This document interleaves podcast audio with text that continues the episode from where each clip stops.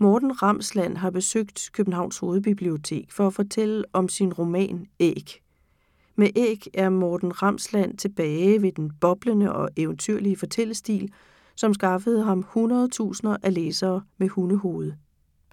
Som Litteratursiden skriver: Er man til forrygende og forrykte fortællinger, skal man helt sikkert lægge ægget i sin kurv.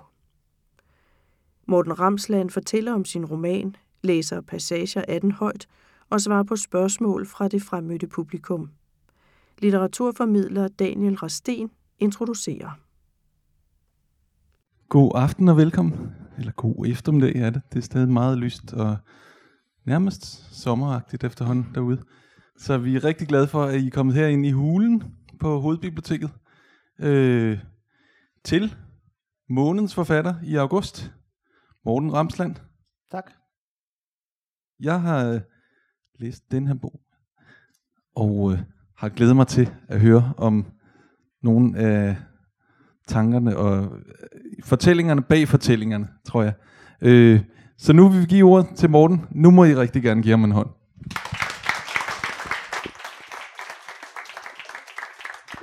Tak. Tak. Jeg rejser mig lige op, så kan I bedre se mig. Øh, jeg vil jo fortælle mest om min nye roman Æg, men også øh, øh, lidt om mig selv og, og mine andre bøger.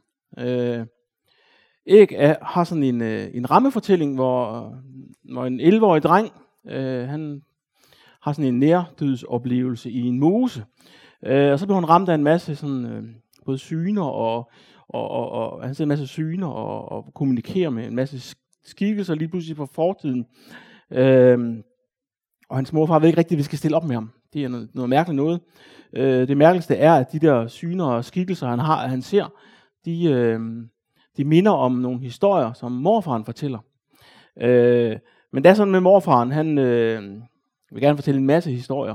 Øh, og øh, de historier er moren ret træt af øh, at høre på, så øh, de har ikke set ham nogle år. Øh, øh, han ringer om natten og fortæller historier, hvis øh, han kommer til det. Øh, derfor får de telefonstikket ud, øh, øh, inden de går i seng om aftenen, øh, så de kan få fred. Øh, til sidst så ved moren og, øh, ikke længere, hvad hun skal gøre den her dreng, og så ender der alligevel med at øh, sende ham ud til morfaren. Øh, fordi det kan være, at morfaren kan gøre et eller andet. Og øh, jeg vil gerne bare lige for at placere, hvor vi, hvor, hvor vi starter henne, så vil jeg gerne lige læse den først, en side her, om ankomsten ud til morfaren på et par sider inde i historien.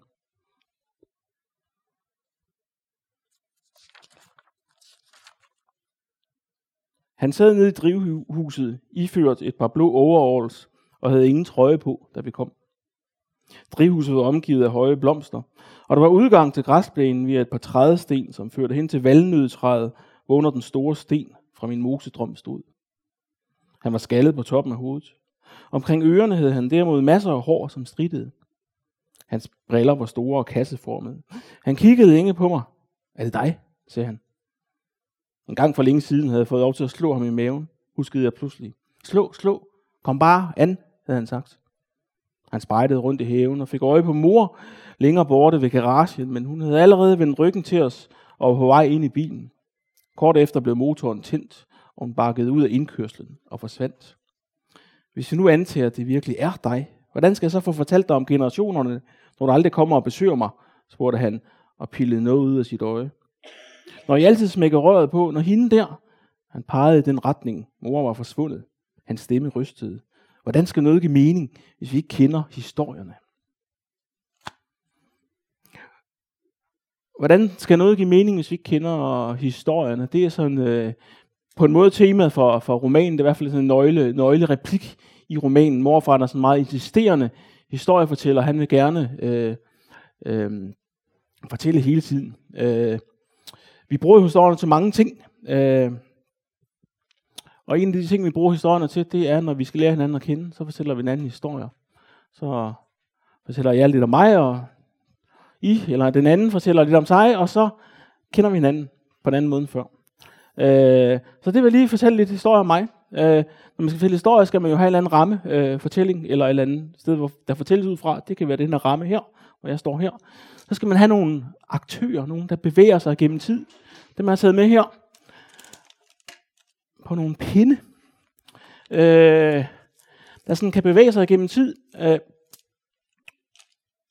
og så skal, eller springe tid, eller hvad, fra vild tiden, og så skal man have et eller andet sted, hvor man starter. Det kunne fx være, hvor jeg startede, øh, det var i de nordlige forsteder til Odense. Jeg voksede op i Næsby, øh, først og fremmest. Øh, øh, havde barndom i 70'erne øh, og 80'erne. Det kan man læse mere om i, i, øh, i den her bog her, hvis der er nogen, der kan kende øh, forsiden fra Sumo Brødre, som, hvor jeg har brugt som mine barndomserindringer til at, øh, at øh, brugt dem, digte videre på dem, brugt dem til at lave en roman ud fra. Øh, det sted, jeg voksede op, det var, selvom jeg kan holde styr på alle de her pinde her.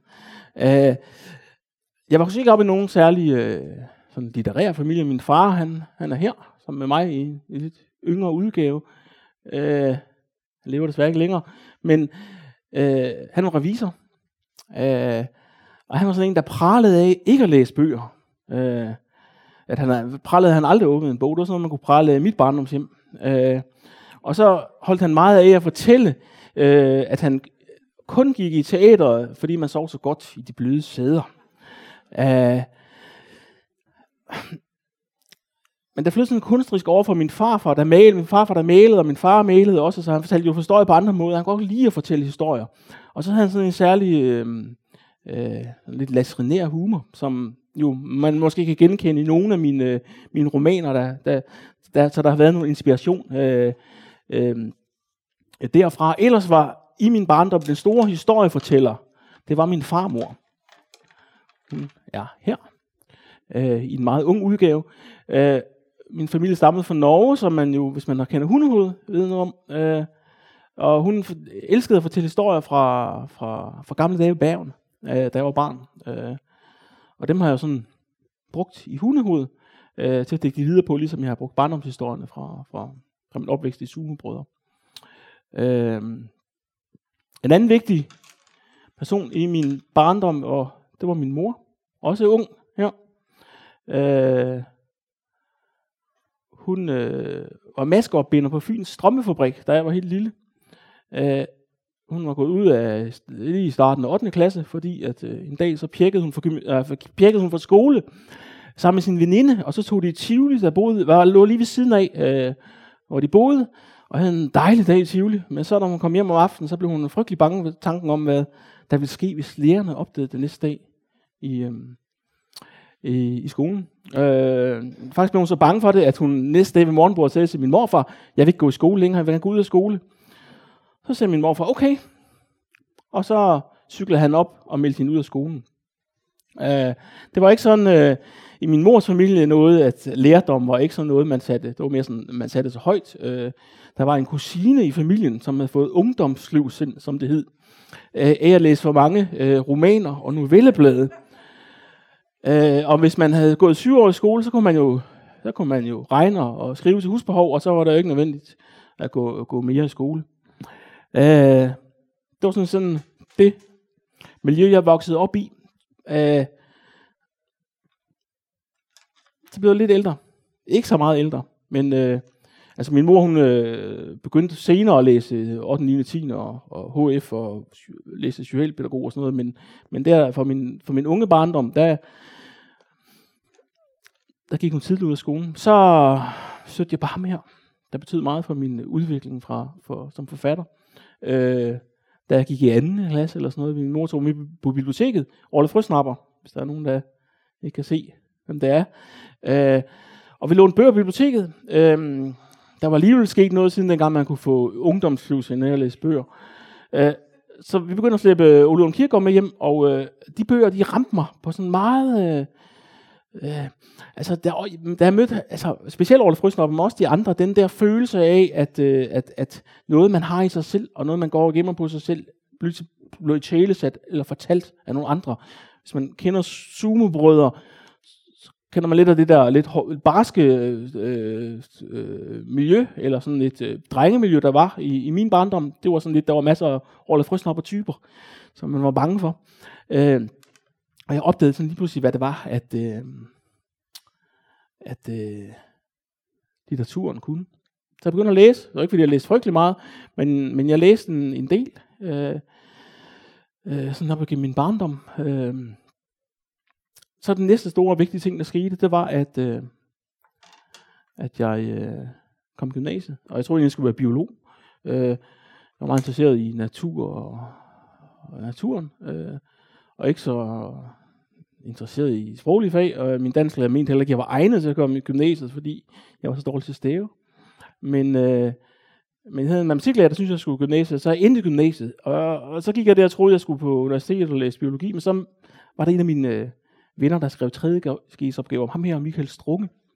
Og, og en del lånte han mig en af Strunges bøger med hjem og sagde, at det var en rigtig god bog. Den skulle jeg gå hjem og læse. Øh, og det gjorde jeg så. Og den bog vendte sådan fuldstændig op og ned på, på mit syn på, hvad, hvad litteratur var for noget. Øh, øh, jeg begyndte at skrive øh, fra den ene dag til den anden, og har sådan set skrevet øh, lige siden jeg begyndte at skrive digte. Øh, og et par år efter, kan jeg lige godt tage den, så fik jeg udgivet min første digtsamling, og eneste digtsamling, når Fuglen drev bort, kom i 93. Øh, trygt i 100, et oplag på 125 eksemplarer. Øh, og et par år efter den udkom, så skrev mit forlag til mig, at, at, at øh, de blev nødt til at makulere restoplevet, fordi det stod optog plads på deres lager. Så jeg fik et ekstra fri eksemplar, og så blev restoplevet makuleret. Den er så ikke blevet trykt siden, så den er lidt sjælden, må man sige. Øh, på det tidspunkt øh, var jeg lige begyndt at læse øh, øh, nordisk på, på universitetet. Jeg havde jo troet, at jeg skulle være biolog, men øh, så kom jeg på højskole, og jeg blev mere interesseret i at skrive. Og på et tidspunkt, så... Jeg har mange pinde her, jeg ved ikke, hvor mange vi når. Så hørte jeg et foredrag om Grundtvig af min meget inspirerende øh, øh, højskolelærer hed. Og det var ligesom om, efter jeg hørte det foredrag, så vidste jeg bare, at jeg skulle læse litteratur på universitetet. Så røg alt det der biologi ud øh, med badevandet. Og øh, ja, der er kun nogle tusinder af mine bøger og sådan noget, øh, altså som, som resten af det. Øh, øh, da jeg begyndte på universitetet, så skrev jeg flere digtsamlinger, men øh, der var ikke rigtig nogen af dem, som øh, øh altså, jeg sendte ind til mit forlag. De ville ikke have dem, de sendte dem tilbage igen. Øh, det gjorde jeg sådan flere, flere gange, og så begyndte jeg ligesom at interessere mig mere for prosa samtidig. Øh, jeg læste nogle bøger på universitetet, blandt andet, jeg beskæftigede meget med sådan noget øh, teori om fortælling, fortællingsteori på universitetet. Jeg læste sådan en, der hedder Reading for the Plot, der betød sådan meget for min måde at tænke øh, historier på. Øh, og så Øh, Axel Sandemose blev jeg meget optaget af. Og Strindberg også, som jeg skrev specielt om. Øh, Axel Sandemose, der var sådan lidt dyster, det der mørke, og Strindberg er jo det der, han er sådan en, en, en, en super knavskår, øh, som altså, øh, sådan skriver jo virkelig autofiktion om sit eget liv og skandaliserer alle omkring sig i, i 1800-tallet. Det kom sådan lidt til at præge min, øh, min, mod, øh, min syn på litteratur, så jeg kom længere og længere væk fra digtene, og så begyndte jeg til sidst at skrive prosa. Øh, og så udkom min første roman, Akasiedrømme, som kom i øh, 98. Ja, 98. Der er sådan en meget lyrisk roman, der sådan tydeligt bliver præg af, at jeg har mit udgangspunkt i, i lyrikken. Der var øh, sådan set ikke en bog, der var særlig mange, der var øh, særlig begejstret for. Anmelderne kunne ikke lide den. Øh, læserne kunne heller ikke så lide den. Min kone kunne heller ikke lide den. Øh, og jeg synes selv, den var rigtig god. Øh, og der gik på over, før jeg kunne se, hvorfor den ikke var god. Og det lærte mig et eller andet om, hvordan tid nogle gange gør, altså hvordan man som forfatter kan være blind på sit stof og på sine historier. Svært at se nogle gange adskille den følelse, man har, når man skriver, fra det, der man virkelig har fået skrevet. Så det lærte mig lidt om at, at, at, at, at kigge på min, på min, øh, på min, øh, på min historier øh, på en anden måde. Øh, cirka samtidig med den udkom, der fik jeg sådan en, en større personlig krise. Øh, der var et par år. Øh, ikke noget med anmeldelserne at gøre, men øh, i den periode, der blev jeg så meget optaget af psykologi og læste en del af ham her, Jung. Øh, som jeg var meget inspireret af, og jeg var i hvert fald meget opslugt af ham. Og Ole Hvidefeldt er den danske jungfortolker i Danmark, eller hvad man kan kalde ham. Han er i hvert fald sådan en videreførelse af Jungs øh, tanker øh, og, øh, og terapeutiske metoder. Øh, og jeg samtidig så sad jeg og skrev en masse ting om min egen barndom, om mit eget altså barndomserindring og sådan noget, som sådan meget ikke litterært projekt, meget privat projekt. Øh, men da jeg ligesom havde gjort det, så, det, det skabte ligesom grobund for, for min næste bog, der var Hundehoved, hvor jeg jo tager nogle af, af historierne om min, både min barndom og min, min, min, min families historie, og, og bruger dem som udgangspunkt for en roman. Det er jo ikke en selvbiografisk roman i den forstand, men jeg bruger en masse selvbiografiske øh, metoder. Nej, øh, stof, mener jeg, til at, øh, at, at finde en, en ny historie. Øh, den blev sådan min store gennembrud som, øh, som forfatter, og blev oversat til 20 sprog. Øh, og sådan ændrede mit forfatterliv meget, sådan bum, lige fra den ene til den anden. Men det var sådan en bog, jeg synes på en eller anden måde, jeg har fundet min øh, stemme som forfatter i forhold til tidligere, hvor jeg sådan havde været lidt rundt, og ikke helt kunne, kunne finde ud af, hvor jeg skulle hen. Øh, ja.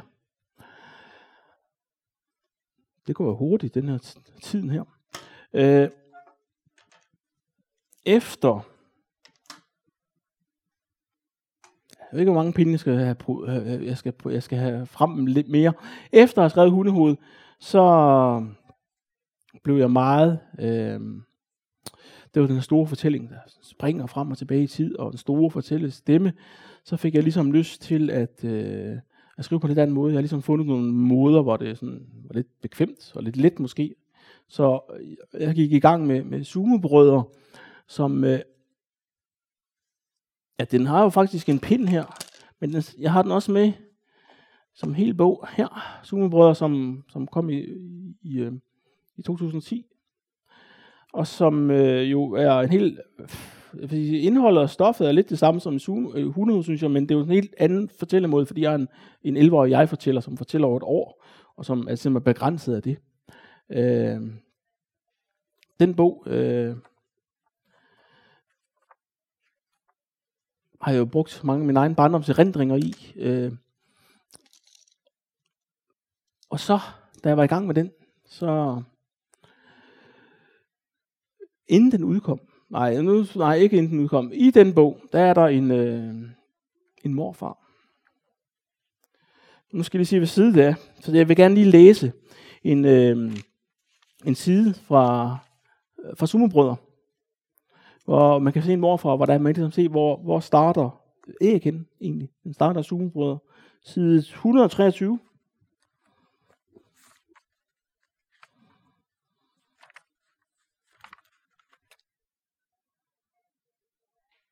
Det er, det er 11 Jimmy, som, nej, det er 11 Lars, som ruder rundt i, øh, i, i skufferne derhjemme. Der står der. Senere fandt jeg også nogle fotografier af mig og morfar ude i hans have. I baggrunden stod hans drivhus.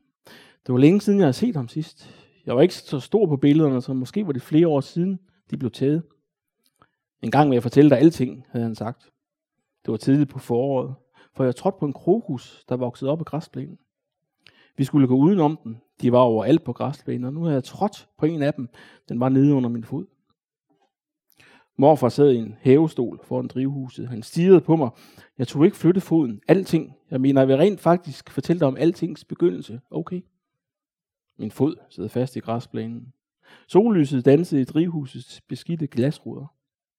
Heldigvis kom mor gående med en håndfuld afklippet stavterstilke nede fra det tomme hønsehus. Du skal ikke fylde det sluder på ham, sagde hun.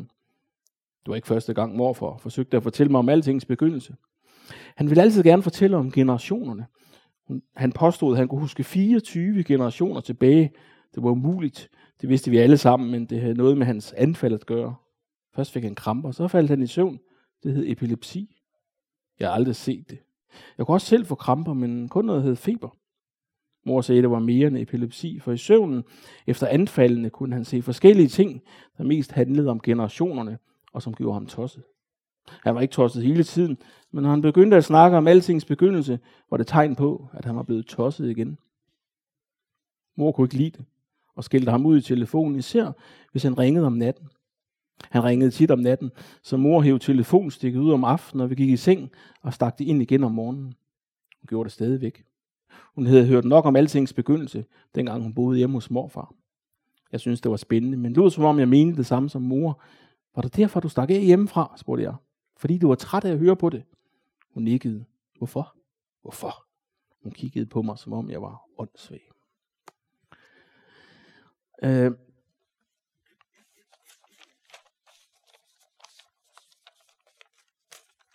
på et tidspunkt, da jeg var i gang med, øh, inden Summerbrødet udkom, så øh, ham her morfaren, han fylder jo næsten ikke noget i, han er en lille, lille bitte biperson i, i Summerbrødet.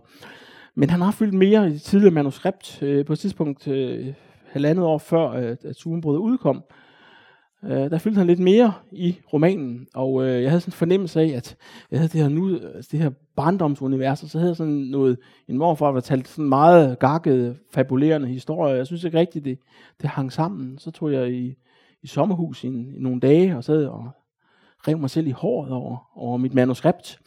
Og lige pludselig fandt jeg ud af, at det var simpelthen to forskellige øh, romaner, jeg var i gang med. Øh, øh, så, så skar jeg alle morfarens fortællinger ud af, af Sumebrødre, og så skrev jeg så, gjorde så Sumebrødre færdig.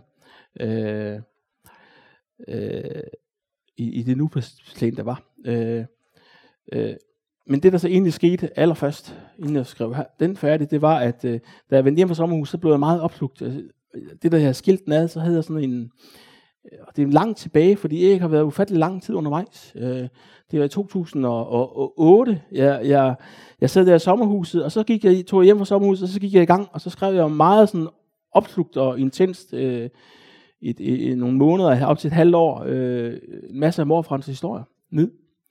Øh, min kone var gravid på det tidspunkt, og så fik jeg med mit tredje barn, og så var det ligesom om, at så havde jeg ikke tid til at skrive mere. Så lå det her manuskript til, øh, øh, til, til øh, æg i en skuffe, øh, og jeg havde stadigvæk øh, liggende, som ikke var samlet og ordnet endnu.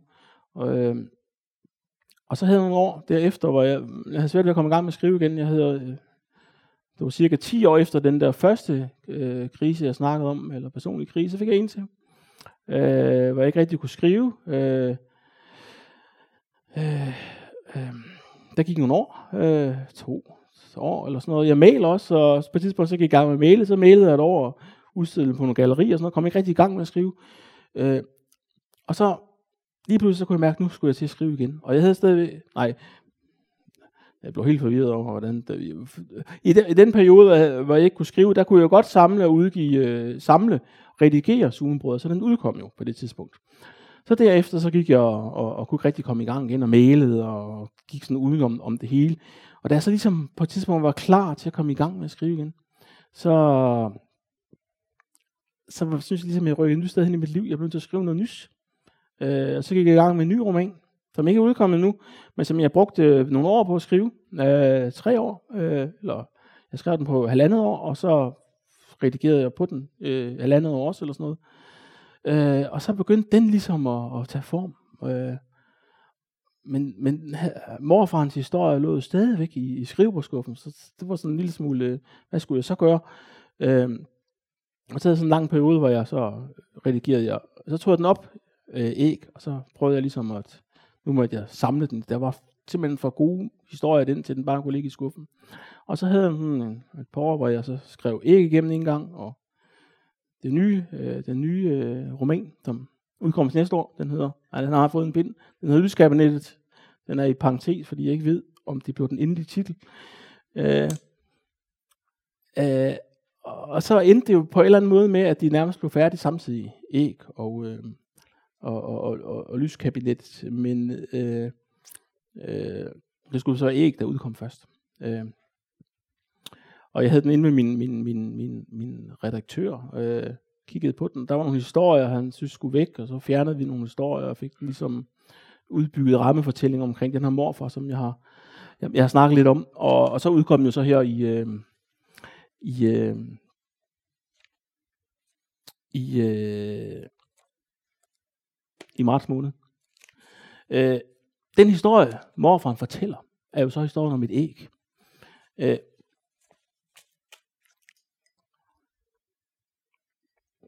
det æg er et guldæg, som han påstår, han stadigvæk har, øh, øh, som stammer fra 1300-tallet, som øh, kong Mengved øh, har fået lavet, fordi hans, øh, det skulle være et frugtbarhedsæg.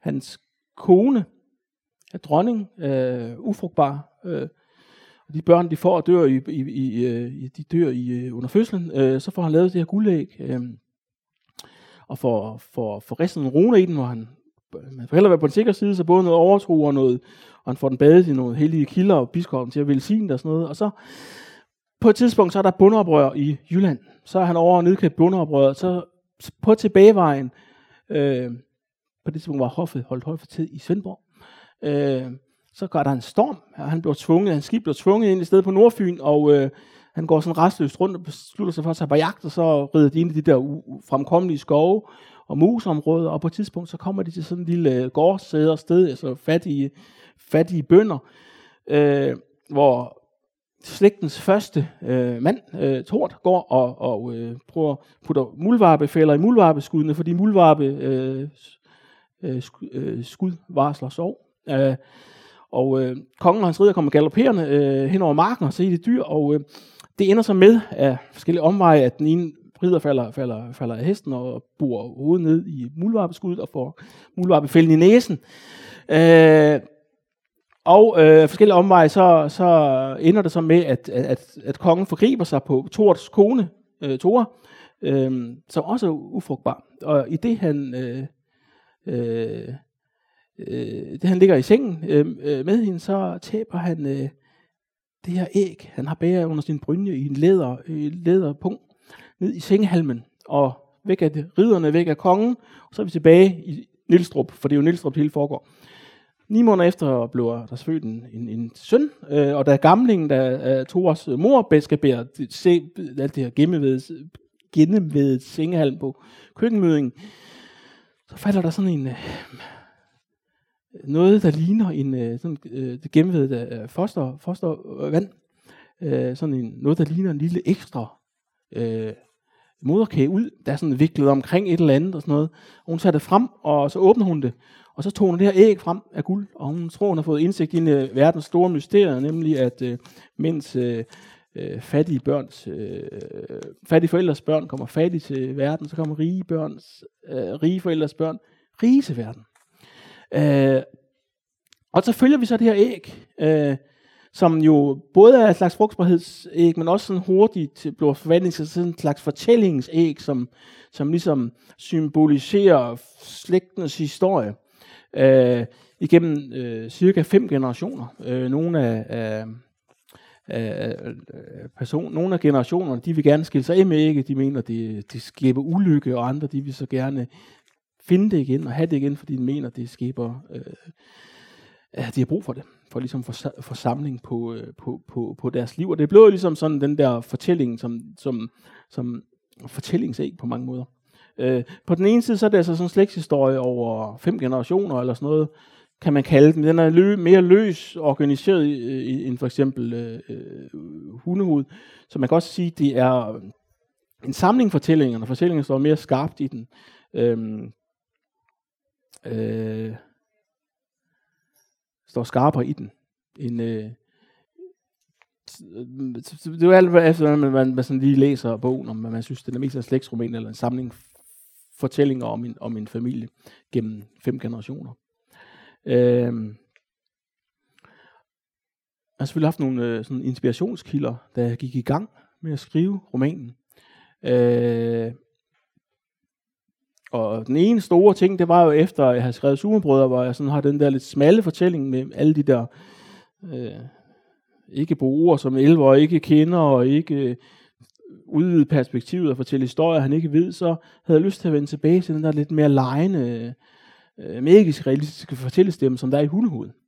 Øh, og der var den her morfar fra Sumerbrødre jo virkelig en god øh, figur til at, at, at, eller katalysator for de her fortællinger, synes jeg.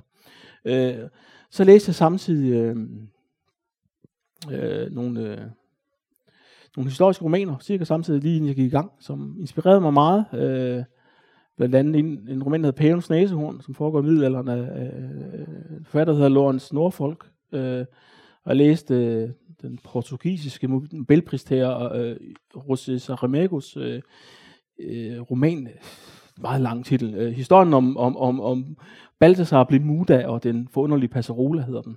Øh, og de, de to, specielt de to bøger inspirerede mig meget til at, at, at komme i gang. Øh, altså, de ændrede min syn på den, den historiske roman, som jeg egentlig tidligere synes var sådan lidt støvet og lidt, lidt kedelig.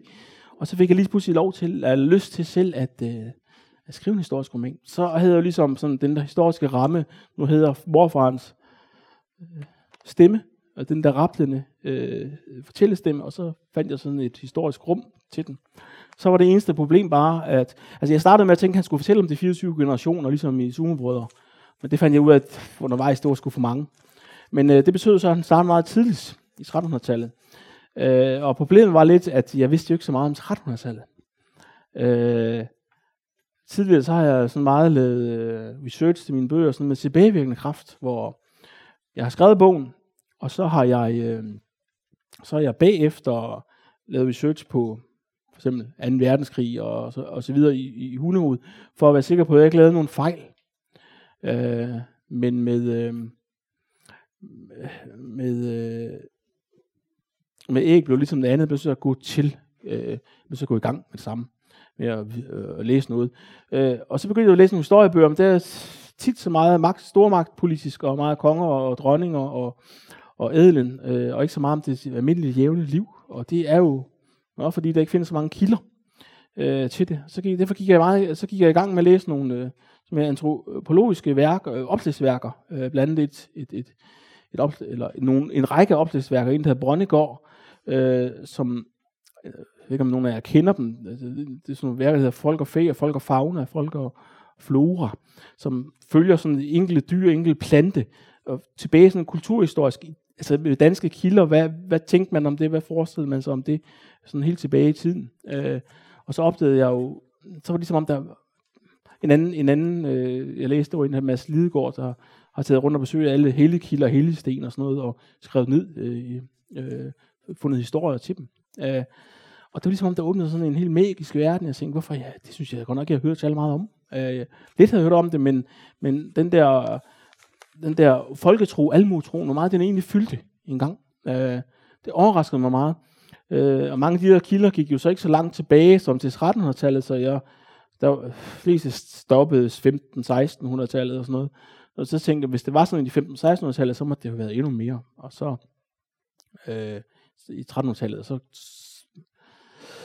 så det var sådan en, sådan jeg kom ind i det. Øh, det var sådan meget sådan en overraskelse, og så var det også sådan en, øh, øh, Øh, det var sådan, jeg havde sådan lidt, lidt oplevelse af, at mange af de her ting, vi ved om den tid, jo er sådan at set, fordi næsten alting er skrevet ned, eller beskæftiget sig med i, i, i under romantikken i, i 1800-tallet, så er det også meget at set sådan i romantikkens spejl, sådan lidt, øh, lidt øh, måske lidt barnagtigt, eller sådan lidt, øh, lidt pænt, og der er så meget øh, smus og, og drift og, og køn og, og, og, og sådan nogle ting, som ligesom er væk.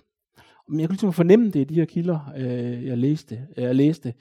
Og, øh, øh, og hele det her, alt det her, det blev inspireret mig voldsomt meget, som ligesom sådan et sted, hvor alle historierne voksede op fra. Øh, øh, historier om, ja, historier, øh, de forskellige historier i, øh, i, øhm, i, i æg. Øh, men, men, men, men frem for at være en, øh, en, sådan en, det var ikke en, en historisk sædeskildring, det var mere en rapplende morfars, eller en gæld morfars rapplende fantasi om middelalderen, øh, som ikke er. Øh, øh, det sjove var jo også jo lidt, at øh, det er jo så lidt som, som så i dag, at øh, stå og kigge tilbage og sige, hold da op, de, de var da godt nok tosset, når de mente det ene og mente det andet.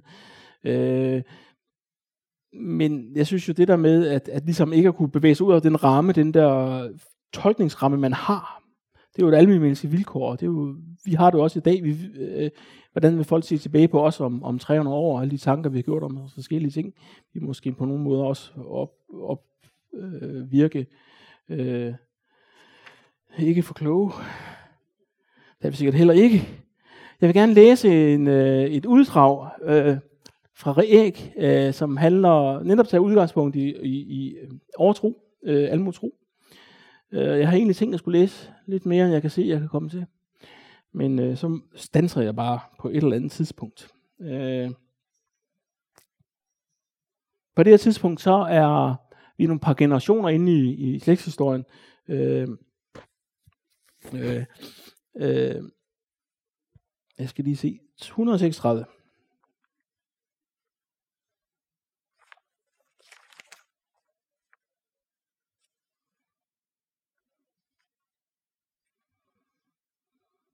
Tina og Henrik, de har fået et barn, øh, men øh, det er, der er noget vej med barnet.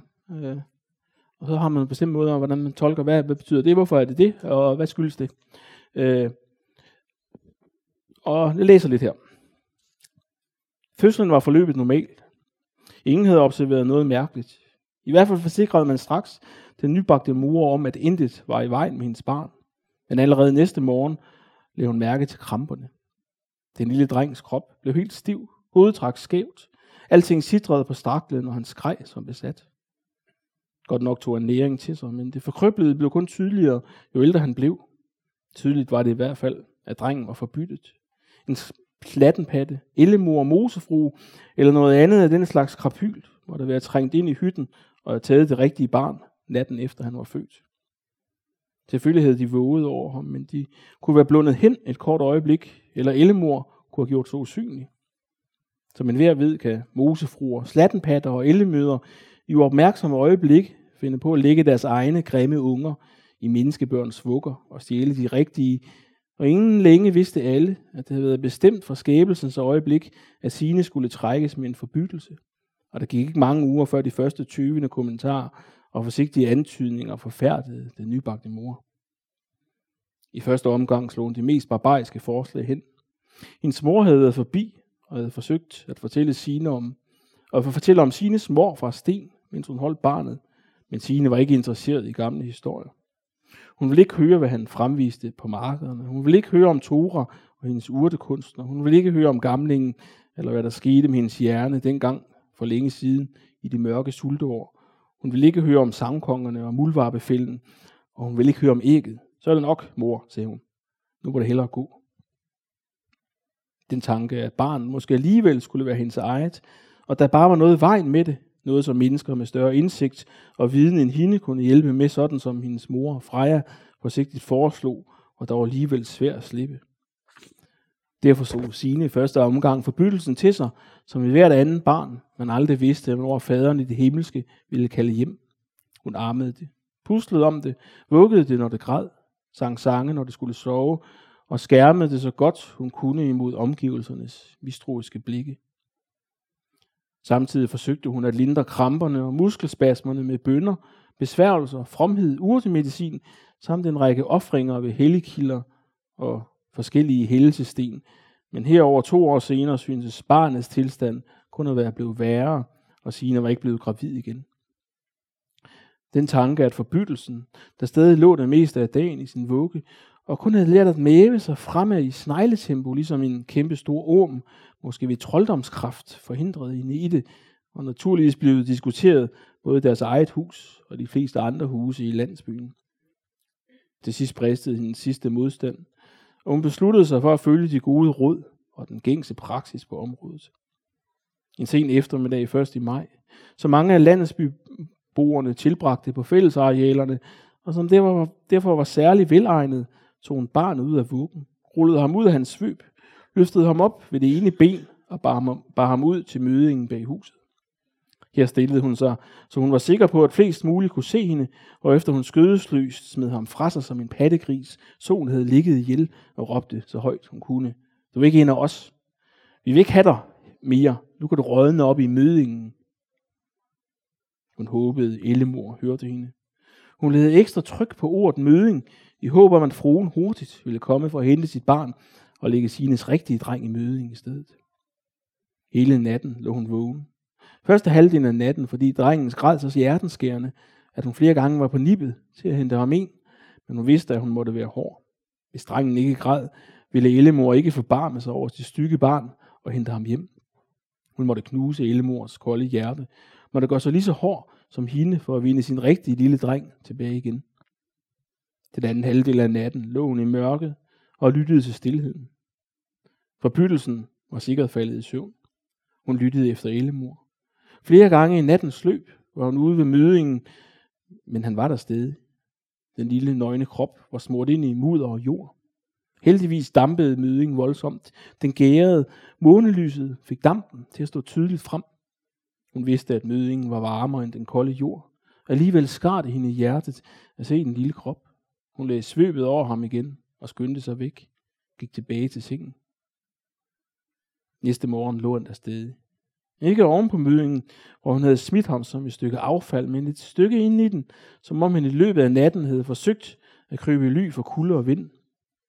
Halvdelen af hans krop var dækket af affaldet i mødingen. Som en kæmpe stor orm havde han boret sig ind i den. Hovedet og skuldrene var frie.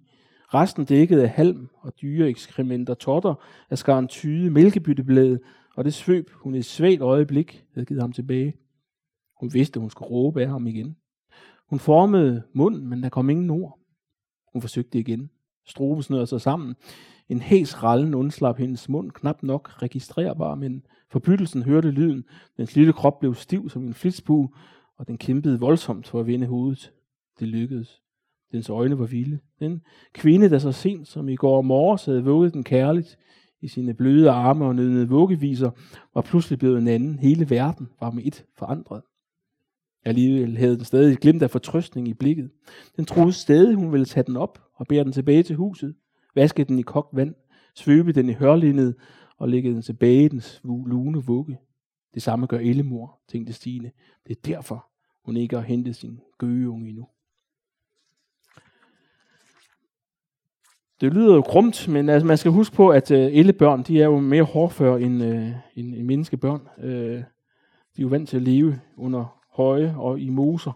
Øh, det de gør, det er, at de finder ud af, at, at det er jo ikke slemt for det her barn at ligge i mosen, nej, ligge i køkkenmødingen, så de bliver nødt til at, at, at, at mishandle lidt. Og først der gør forældrene det, øh, og, og da de så ikke klarer det længere, øh, så træder landsbyen til og hjælper ved, øh, ved anden dag at gå ned og, og slå på, på byldelsen.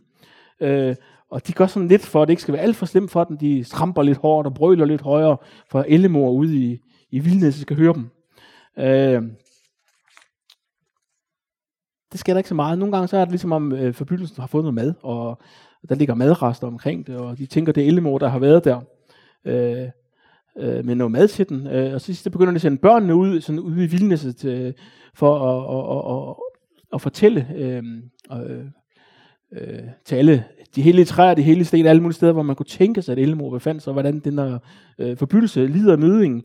Øh, og sidst skvatter øh, smedens Alfred øh, øh, barnet i, i, i et mosehul og drukner, og så finder de ud af, at det heller ikke er nogen god idé. Og så ligesom om, så resignerer hele landsbyen, og forbyttelsen ligger bare der. Og, øh, ja, det er så lige lidt videre, men ikke så meget, som jeg havde forestillet mig.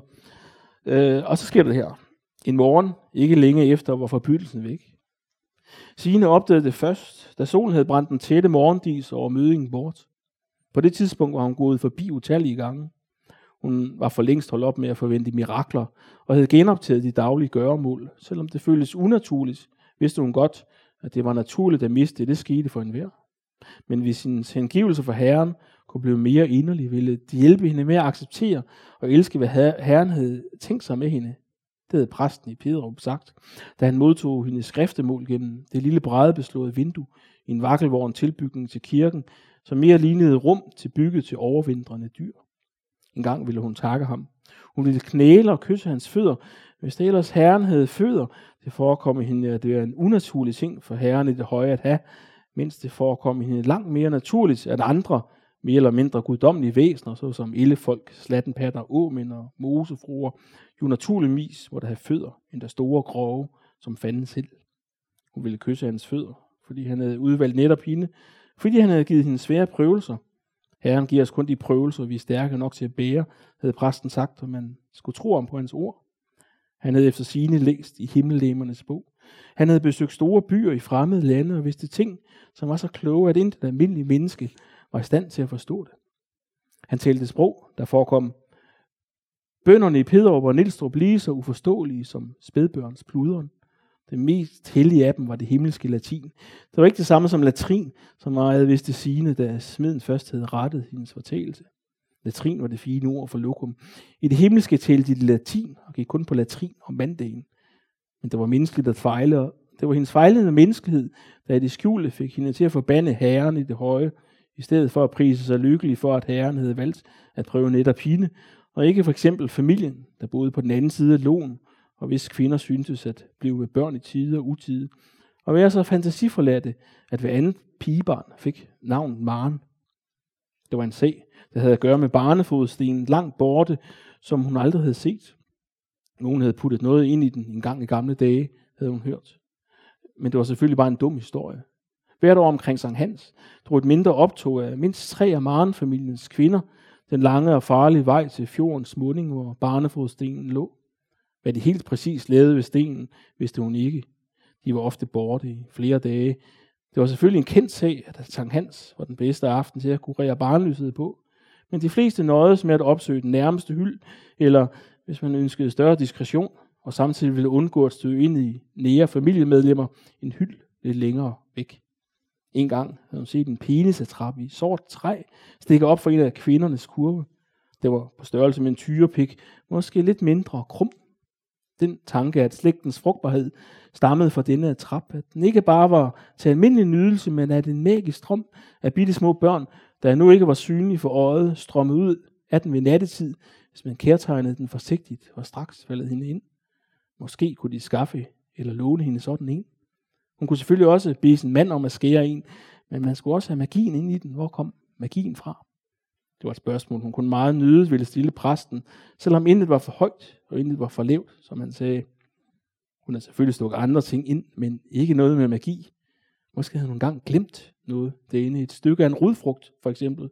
Den glemte rudfrugt havde skadet barnet. Den tanke var også faldet hende ind flere gange, men hun havde ikke delt det med præsten, Ligesom hun heller ikke havde delt den tanke med præsten, at det stykke af en rudfrugt, som hun muligvis havde glemt det ene, kunne være begyndt at vokse, ansporet af den kvindelige kraft, der huserede der. Det kunne faktisk meget vel tænkes, at rodfrugten havde vokset i hendes liv i hele ni måneder, og det var slet ikke udelukket, at hun derfor havde født et væsen, der var en syndig blanding af dyre og planteriget menneske udenpå, rodfrugt indeni. Det forklarede faktisk en masse. Men hun har aldrig hørt om lignende tilfælde. Ingen havde nogensinde fortalt hende, at ting, der blev stoppet ind i kvindens underliv, kunne begynde at vokse, og hun slog derfor gentagende gange de kætteriske tanker ud af hovedet. Gud prøvede hende, så simpelt måtte det være. Han prøvede hende ved at lade en ellemor forbytte hendes barn.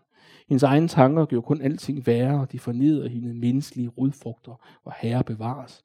Det sagde hendes mand også, da hun delte sin bekymring med ham. Hvor herre bevares, lød hans stemme da hun lå ved hans side i det tomme hus, og efter han med et mere snærpet drag omkring munden spurgte, hvilken rodfrugt. Hun ville ikke sige det. Bastinak, rubide, gulerod, persillerod, roe. Han blev ved med at bore i det. Øh, som om det ikke kunne være ligegyldigt.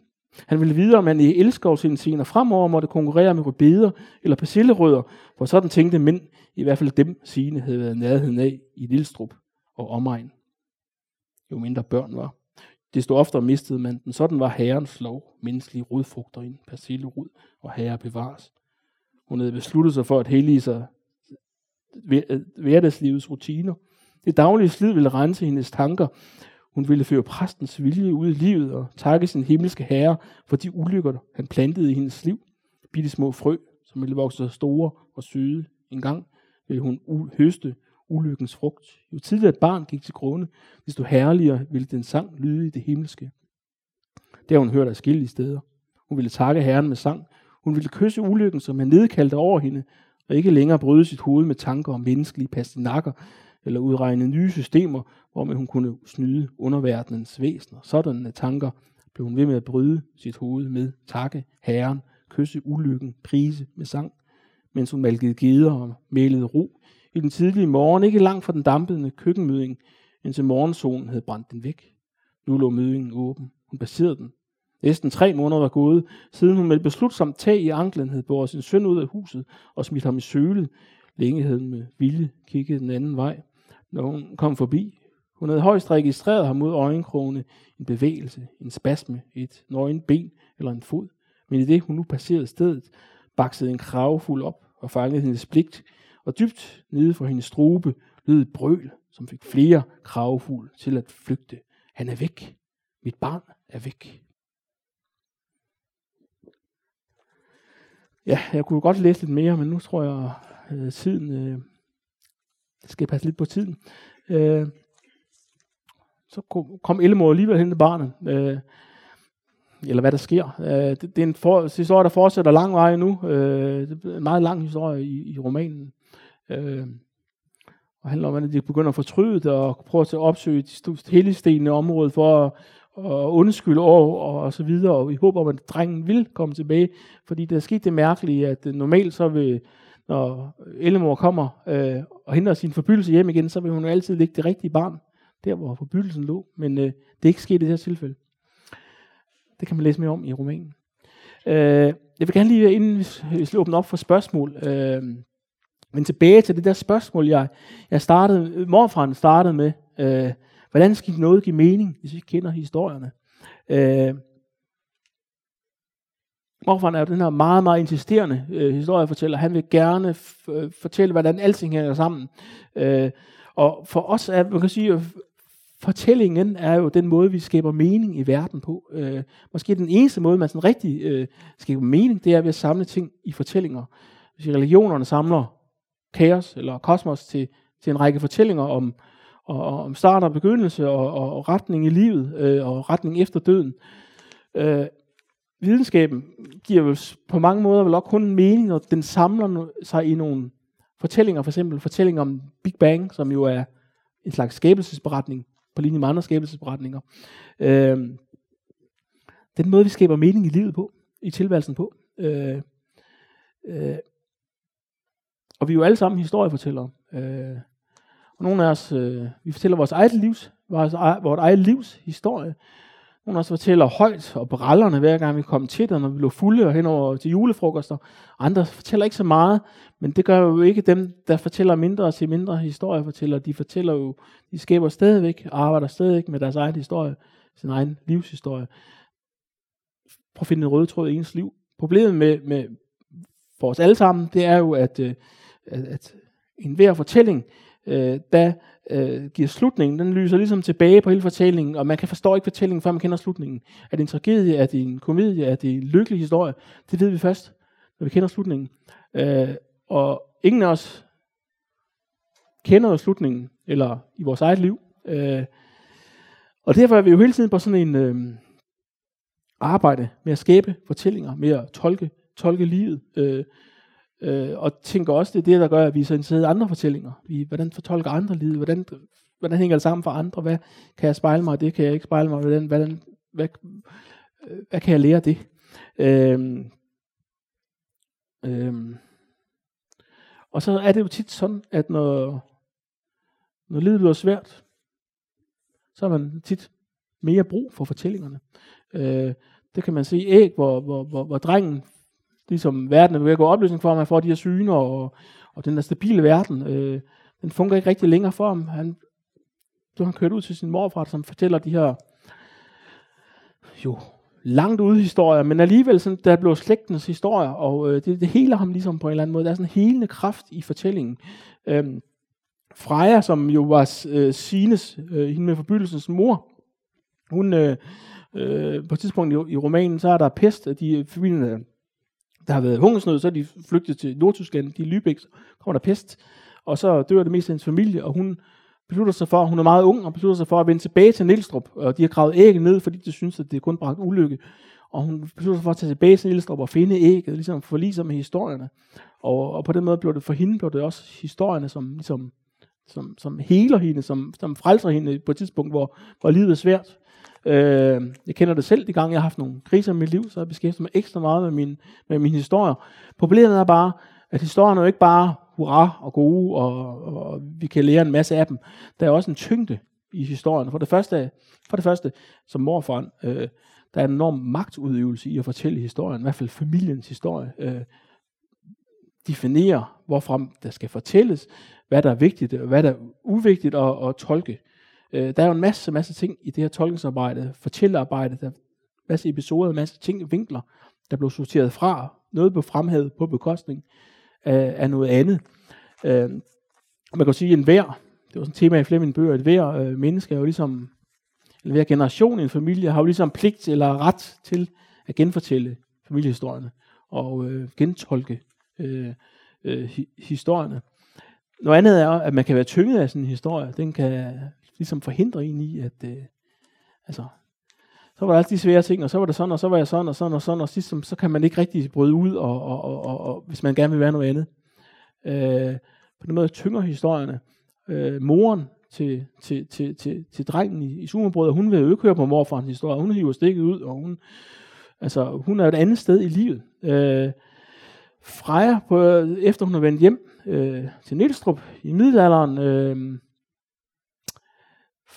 det kunne jeg have læst, have læst hvis jeg har haft mere tid, det gør jeg ikke. Der er sådan en passage, hvor, hun, hvor, hun, øh, hvor det der æg begynder at øh, tynge hende, og øh, ligesom forhindre hende at leve hendes liv. Og hun vil gerne leve livet her og nu, og ikke øh, hele tiden bryde sit hoved og sine tanker og sine følelser med, med gamle historier, svære historier. Hun skiller sig af med ægget. Øh, I romanen, der skiftes øh, generationer til at tage det til sig og skille sig af med det. Øh, mod slutningen af romanen, der fortæller hoved, drengen, hovedpersonen, at han er blevet voksen, og fortæller videre til sine børn, men de gider ikke høre på om de der gamle historier.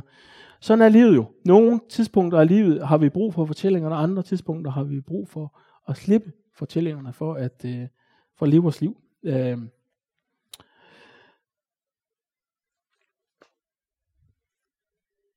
jeg vil, øh, lige inden jeg vil åbne op for nogle spørgsmål, så, så er der også noget andet med fortællingen, nemlig at når vi fortæller en historie, så er det som om det ændrer sig lidt, hver gang vi fortæller den. Og familiehistorier, og morfaren er jo sådan kørt helt ud i, i, i sporet, øh, eller fra, væk fra sporet. Øh, vi fortæller lidt, vi lægger lidt til, vi, vi, vi, vi, fortæller, vi gør det mere og mere dramatisk, på et tidspunkt, så er den historie om, hvad der egentlig skete i virkeligheden, den kan være fjernet så meget fra, fra, fra det, der skete i virkeligheden, at vi, at, at, at, at, at, at, vi øh, kan blive nødt til at spørge, hvad er, det rigtigt det her, eller er det ikke rigtigt? Øh, da jeg skrev Hundemod, der havde sådan en meget speciel oplevelse. På det tidspunkt, der levede min farmor stadigvæk. Og efter at den havde, øh, øh, efter at have skrevet den, altså før den udkom, der, så, så lavede jeg en interview med hende, for ligesom at lave noget, en måde at lave nogle research også på, til romanen, om livet i Bergen og i gamle dage og sådan noget. Øh, og jeg havde hørt den her historie om min norske øh, oldefar, altså min farmors far, som var skibsredder i Bergen under, under øh, 2. verdenskrig, og så blev hans skibe sænket et efter et af tyskerne, og øh, så gik han konkurs, så fik han en blodprop, og så døde han. Det var ligesom sådan, den historie, min farmor havde fortalt, dengang hun var, dengang, øh, nej, nu kan jeg ikke lige finde hende, men hun var der, dengang jeg var barn, og hun fortalte historier fra gamle dage, øh, der så lavede jeg interview med hende, øh, så viste det sig, at min norske øh, oldefar i virkeligheden var gået konkurs som følge af den øh, økonomiske krise i 30'erne. Øh, og så mange år efter, så har han fået en blodprop, og så var han død af den. Det var jo ikke en lige så spændende og lige så dramatisk historie. Og det er jo den dramatiske historie, jeg har brugt i 100, den har jeg brugt i 100. Øh, og først så følger jeg mig sådan, ja, nå, okay, Ja, øh, det er bare sådan. Men så bagefter, så kom jeg, det, ligesom, det, det, altså, så gik det ligesom op for mig, at det kan godt være, at selve den ydre historie har fjernet sig virkelig meget fra, den, fra det, der var sket i virkeligheden. Men den, selve det følelsesindhold, øh, den formidlede, var jo havde ikke ændret sig meget. Det var den her historie om at være prisgivet store, historiens store kræfter, og, og, og, og, og, og, og det der for storhed til fald og sådan noget. Man kan sige, at den historie, som var den virkelige historie, var jo mere grumtidshistorie, øh, som ikke så godt formåede at gribe den Hvorimod den historie, min farmor havde skabt, og gennem, måske gennem fortælle mange gange, jo faktisk meget bedre formået at ligesom indkapsle den her erfaring og den her, det her følelsesstof. Og det er jo nogle gange det, fortællingen kan, at den, at, at den kan give øh, noget mere flygtigt og noget mere stridende i en mere varig form. Så på den måde, så blev det jo, så, så, så blev det der spørgsmål om, hvad der er sandt, og hvad der ikke er sandt. Et spørgsmål, jeg tit får som forfatter, fordi jeg skriver sådan i, i et brydningsfelt mellem, mellem noget biografisk og noget, noget fiktivt. Det spørgsmål får, får i virkeligheden mindre betydning. Øh, fordi nogle gange kan løgnen og fiktionen være, være, være den bedste vej til sandheden. Eller i hvert fald den måde, hvor man ligesom for, for øh, i, altså kan, kan, kan, kan, ligesom kan gemme et eller andet følelseindhold, en eller anden erfaring, så andre øh, kan, kan mærke den og høre den, og også gemme den, sådan at den kan vandre i flere slægtsleder, og stadigvæk blive fortalt. Øh, ja. Ja. Jeg kunne jo godt snakke mere, men jeg ved ikke, hvad, hvad vi, vi skal øh, snakke en time. Øh, ved ikke, hvis vi tager nogle spørgsmål, eller, Hvad synes eller I? hvad? Der, der er i hvert fald nogen, der gerne Ja. vil stille nogle spørgsmål. Ja, øh, du talte om dine inspirationskilder til øh, den øh, historiske roman. Ja. Jeg tænker også i forhold til den her magiske, realistiske stil, Ja. øh, nogle sydamerikanske øh, Ja, forfattere ja. som øh, Gabriel Garcia Marquez og Allende. Øh, hvad er din øh, inspirationskilder altså med forfattere? Altså, jeg vil sige, øh, øh, altså, ja, dem er jeg jo meget inspireret af. Det er jo klart. Øh, øh, det var ikke lige dem, jeg, altså, jeg læste, da, da jeg skrev. Øh, der var jeg mere sådan interesseret.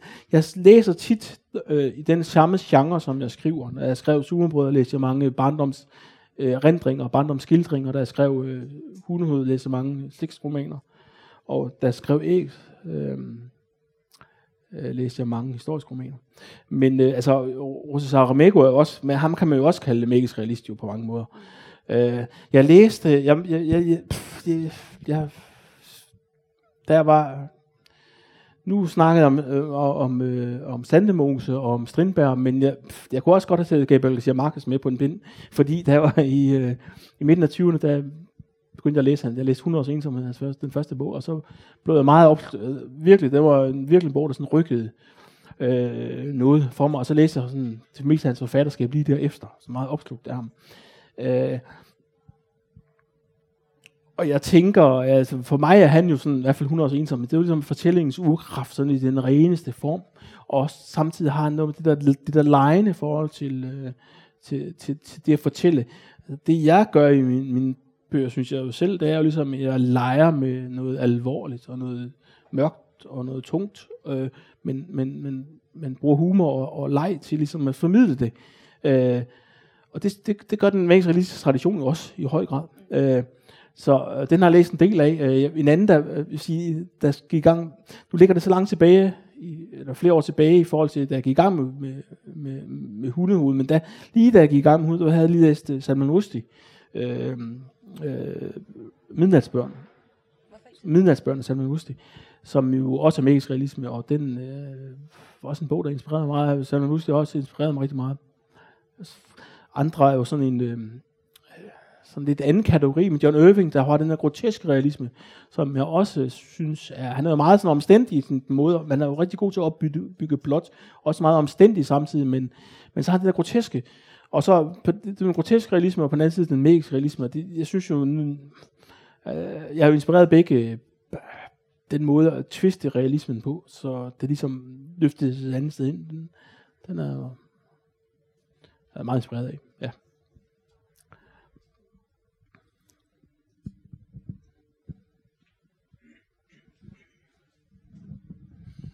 Altså, du fik jo, du fik jo afmonteret det der spørgsmål om, om, øh, om sandheden lidt. Nå ja, Øhm, ja. Men der er, jeg synes, der er et fantastisk sted i, øh, i din øh, roman, hvor du, øh, hvor du skriver om, øh, hvor, hvor de, øh, hvor hende Signe, øh, jo, Signe, nu jeg det med lige, forbyttelsen. ja, nej, det er, det er det ikke. Det er jo, det er jo, det er også noget, der minder, øh, kan man sige, om, om 100 års ensomhed. Det der, generationerne, de bliver aldrig rigtig klogere om, om, om de, altså, Nej, ja. Øh, det, det kan vel lidt være det ene slægtled, eller det andet slægtled. Nej, da hun kommer tilbage til byen, øhm, og Og det Freja, stjæler sit æg tilbage, Freja Ja, stjæler Freja, sit æg ja. tilbage, så, øh, så vil de gerne, øh, så vil de fange hende. Hun er jo en tyv. Mm. Men inden de kommer så langt, så skal der fortælles en historie af, af ikke bare gammelmanden, men gammelmandens øh, Gamle far. gamle far. Ja, ja. Og den historie, den, den, bliver, den er vigtigere, end det der med lige, uh, jamen hun er, hun er ved at løbe ud af landsbyen. Ja. Hvordan Ja. fanger vi hende? Ja. Øhm, der, der siger han, øh, lad os se her, altså, der siger han nogle, nogle ting, som jeg tænker, at, er nærmest er, er dit credo omkring, øh, at historierne bliver, at det ikke, det er ikke helt, øh, han kan ikke helt huske, hvad der er sandt og falsk, men historien i sig selv bliver vigtigere. Det er Er rigtigt. det sådan, der? Det er rigtigt. Nu skal jeg, jeg har faktisk, jeg skal lige se, om jeg kan finde, hvor det står, fordi, øhm, øh, hvad siger du hvad? Han, altså, Signe, hun kommer til Nielstrup, og der har været pest, og alle har bare siddet inde og gemt sig. Øhm, gemt sig øh, for pestånder og hvad der findes af pestting. Og så kommer hun, og så grav, opdager de, hun graver noget op bag, bag, bag en af de her vakkelvorne rønner, og det er så et æg af guld, og de tænker så, hvad det, det må være, der, jeg kan ikke, Knud er nede af ham, der er boet der, jeg kan ikke huske, hvad nede af ham, der er boet der, men han er død af pest, så de regner med, at det må Knuds sjæl, som er sunket ned i jorden, fordi at øh, he, øh, englene, de havde for travlt, øh, der var så mange, der døde, og så er den bare ligget der og ventet på, at, øh, at, øh, at det skal blive forår, og altså, englene skal få mere tid til at, at begrave de døde sjæle. Øh, og så tror de, synes, at hun er en sjæletyv, hun stjæler ægget. Øh, og så skal, hvad skal de gøre? Og hun er allerede på vej væk fra Nilstrup igen, og så, så må de finde en, en klog mand, og det gamle mand er død. Men så har de pludselig opdaget, at det gamle, hans gamle far, han er stadigvæk i live. Så beder de ham ud på sådan en dør. Øh, han kan ikke gå længere. Eller han gider i hvert fald ikke gå længere. han kan godt gå, når han skal. Øh, den gamle mand, han er jo ligesom et spejlbillede på morfaren, der ligger på en gammel dør, som han bruger som plantebord i, i sit drivhus med en øl på sin mave, og fortæller den her historie. Så på den måde kan man jo godt opfatte gamle mand som morfaren, der sådan øh, træder ind i, øh, i, øh, i, i, i middelalder, øh, i middelalder skikkelse. Han siger, det er sådan et, øh, et, et tre kvart side her. Han skal i gang. Han, han går, de spørger, hvad han skal gøre, og så går han i gang med at fortælle en så lang historie, så de bliver meget usåmodige. Så siger han så, kun vores historier, som vi fortæller hinanden ved aftentid, og som får til at klukke af latter og knibe en tårer, når vi fortæller dem hen over hegnet mellem rugemarkerne, eller på kirkens bæreste række, når præsten bliver for kedelig at høre på, fordi han tjæler til os på et sprog forbeholdt mere beåndede sjæle end os. Kun historierne for et mindre ynkeligt liv. De kan fortsat vandre videre i verden som unge børn, men til forskel fra børnene, som er glemsomme, uopdragende og til sider uforskammede, så glemmer historierne ikke. De bliver ved med at huske, selv når de er blevet glemt af os. De lever deres eget liv. De kan leve i skyggen, uden for vores erindring, eller de kan leve i lyset i vores erindring, hvem der ellers så står det. Jeg skal, jeg skal være ærlig og sige, at jeg ikke længere ved, om jeg selv kan huske, dengang verden var ung, eller om min kære far med de sjove næsebor, ære ved hans minde, har fortalt mig om verdens begyndelse, dengang jeg selv var en lille dreng, som sad på min fars skød og murede mig med at røre ved det arvæv, der havde dannet sig over hans opklippede næsebor. Sikkert er det i hvert fald, at min fars historie plantede et frø, og nu, på mine gamle dage, har frøet foldet sig ud. Dets blomst er ikke længere til at skille fra en rigtig erindring. Dets blomst er en rigtig erindring. Det var faktisk det, jeg sagde jo, bare med nogle lidt, lidt mere ord, og øh, vi kender jo alle sammen det der med, at øh, vi har et andet, øh, man kan huske noget fra vores barndom, et eller andet, øh, og så er det måske virkelig bare, øh, vi kan huske, at vi har set et fotografi og fået en historie. Og så er det ligesom om, at så forestiller vi, kan, at vi kan huske det. Og nogle gange, når man så sidder og kigger tilbage i fotoalbum eller, eller får historierne, så kan det gå op for en, at man, det virkelig ikke er en rigtig rendring. Det er en falsk erindring, som er blevet til en rigtig erindring. Og sådan er det jo, altså sandt og falsk, og historierne ændrer sig hele tiden, og øh, vores måde at tolke dem på ændrer sig også hele tiden nu.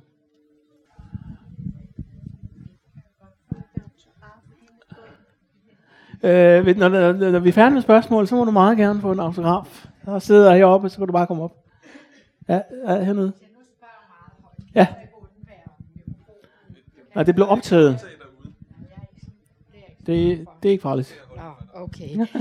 altså det, jeg synes er spændende, det er um, i bogen, det er det der spænd eller med religionen og præsten i ja. Pedestrup. Og ja. så alt den uvidenhed og alt det overnaturlige. Inden i alt det der, så er der også noget sund fornuft hos øh, folk. Ja, ja, ja. Kan man nu lide det der med forbytningen? Og ja. hvem er det egentlig, der tager sig af forbytningen? Hvor, hvor forbytningen henne, indtil forbytningen ja. kommer tilbage. Ja. Det, det, det bliver ikke rigtig... Man må godt få nogle idéer, at der måske er nogen, der tager sig af ham, indtil han kommer tilbage. Det, jeg synes er lidt... Det er mm, det, det, det almindelige menneskeliv, der, som de mennesker lever, mm. ud fra hvad præsten siger, og hvad alle historierne siger, og hvad de så egentlig også selv opfatter Forstår du det? Ja, ja, det For er eksempel, okay. da de danser omkring stenen, og, og så begynder folk at sige, der sker der vist spændende ting og sager. Ja. Altså, der sker også en eller anden udvikling med det midt i det hele. Det er det, jeg synes gør den, bogen spændende. Ellers ville den jo være ren grum. Ja, ja. For, altså, Det er klart, at de, de, de, de, de, de, nogle gange, så kan man sige, at mange, altså, der er jo sådan en tolknings, øh, tolkning altså, der er jo, de, de på kæmpe arbejde med at forstå øh, verden. Det er vi jo alle sammen altid, men det er jo sådan ikke så tydeligt, fordi man forstår det i andre, i, i, i andre fortællinger, end vi gør det i nutiden jo. Øh, men hele tiden så er er der også en utilstrækkelighed i de der fortællinger. Altså, der er, der, er- der, er- der er den kristne fortælling, og så er der øh, hele tiden overtro af almutroens øh, fortællinger. Men øh, de kommer også til kort jo.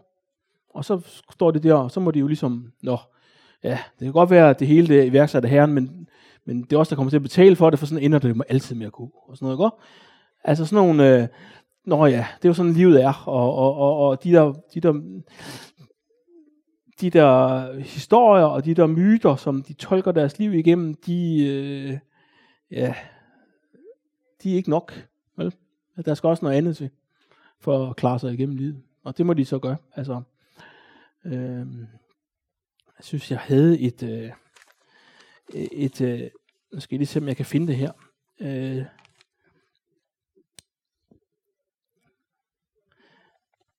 altså, jeg, jeg vil lige læse højt for, for en anmeldelse, for der skriver noget om det her. Altså bare sådan lidt om de der personer. Øh, jeg, det, jeg tror, det var Aarhus Stiftstiden, det her. Øh, man må klukke frydefuldt over det ramslandske persongalleri af utugtige snydetampe, tyvagtige hedenske snedige kællinger og dorske svigebrødre. De bøjer drevent de regler og restriktioner, som kirkeskæbne og samfundshoveder har bestemt, og indretter sig efter bedste evne med de midler, de nu engang, øh, der nu engang er til rådighed. De er uperfekte mennesker, drevet af middelalderligt dårskab og upålidelige mavefornemmelser. Og alligevel er de så umanerlige charmerende. Ja, ja. Øh, men det der med, at, øh, at, at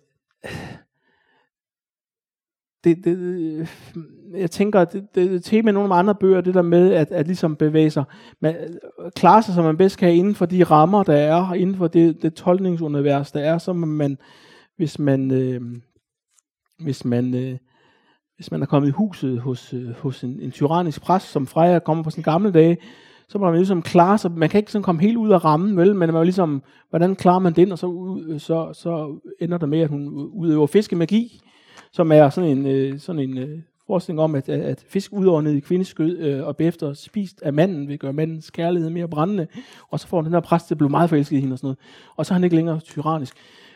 Den måde, sådan, de, de bliver så bøje regler, de bliver nødt til at, hele tiden, at, at, at, at, at, at, altså, den der, det var sådan en bonde, eller sådan en øh, bondefornuft, eller hvad, man, hvad sådan noget hedder, ikke også? Som, som de ligesom må klare sig med, på en eller anden måde. Det synes jeg i hvert fald er sjovt, de der brydningsfelter, mellem de der forståelsesrammer. Ja. Og også det der med, at jeg kan jo ikke bare sige, jamen nu skal jeg være en frigjort kvinde, det kan man ikke sige øh, i, i middelalderen, vel? Man må jo gøre noget andet. Sno sig, ja. Bøje reglerne. Ja.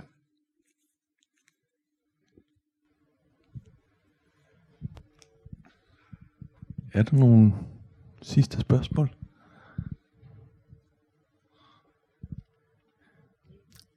Ja, det, det, så vil jeg, det, det, som du siger hernede, så vil jeg også bare opfordre det- alle dem, der endnu ikke skulle have læst æg, så gør det.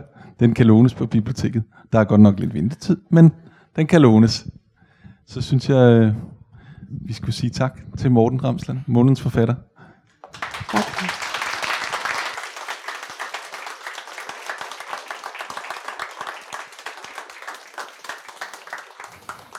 Tak. Du har lyttet til et podcast fra Københavns Biblioteker. Du kan finde flere podcasts på bibliotek.kk.dk/lyd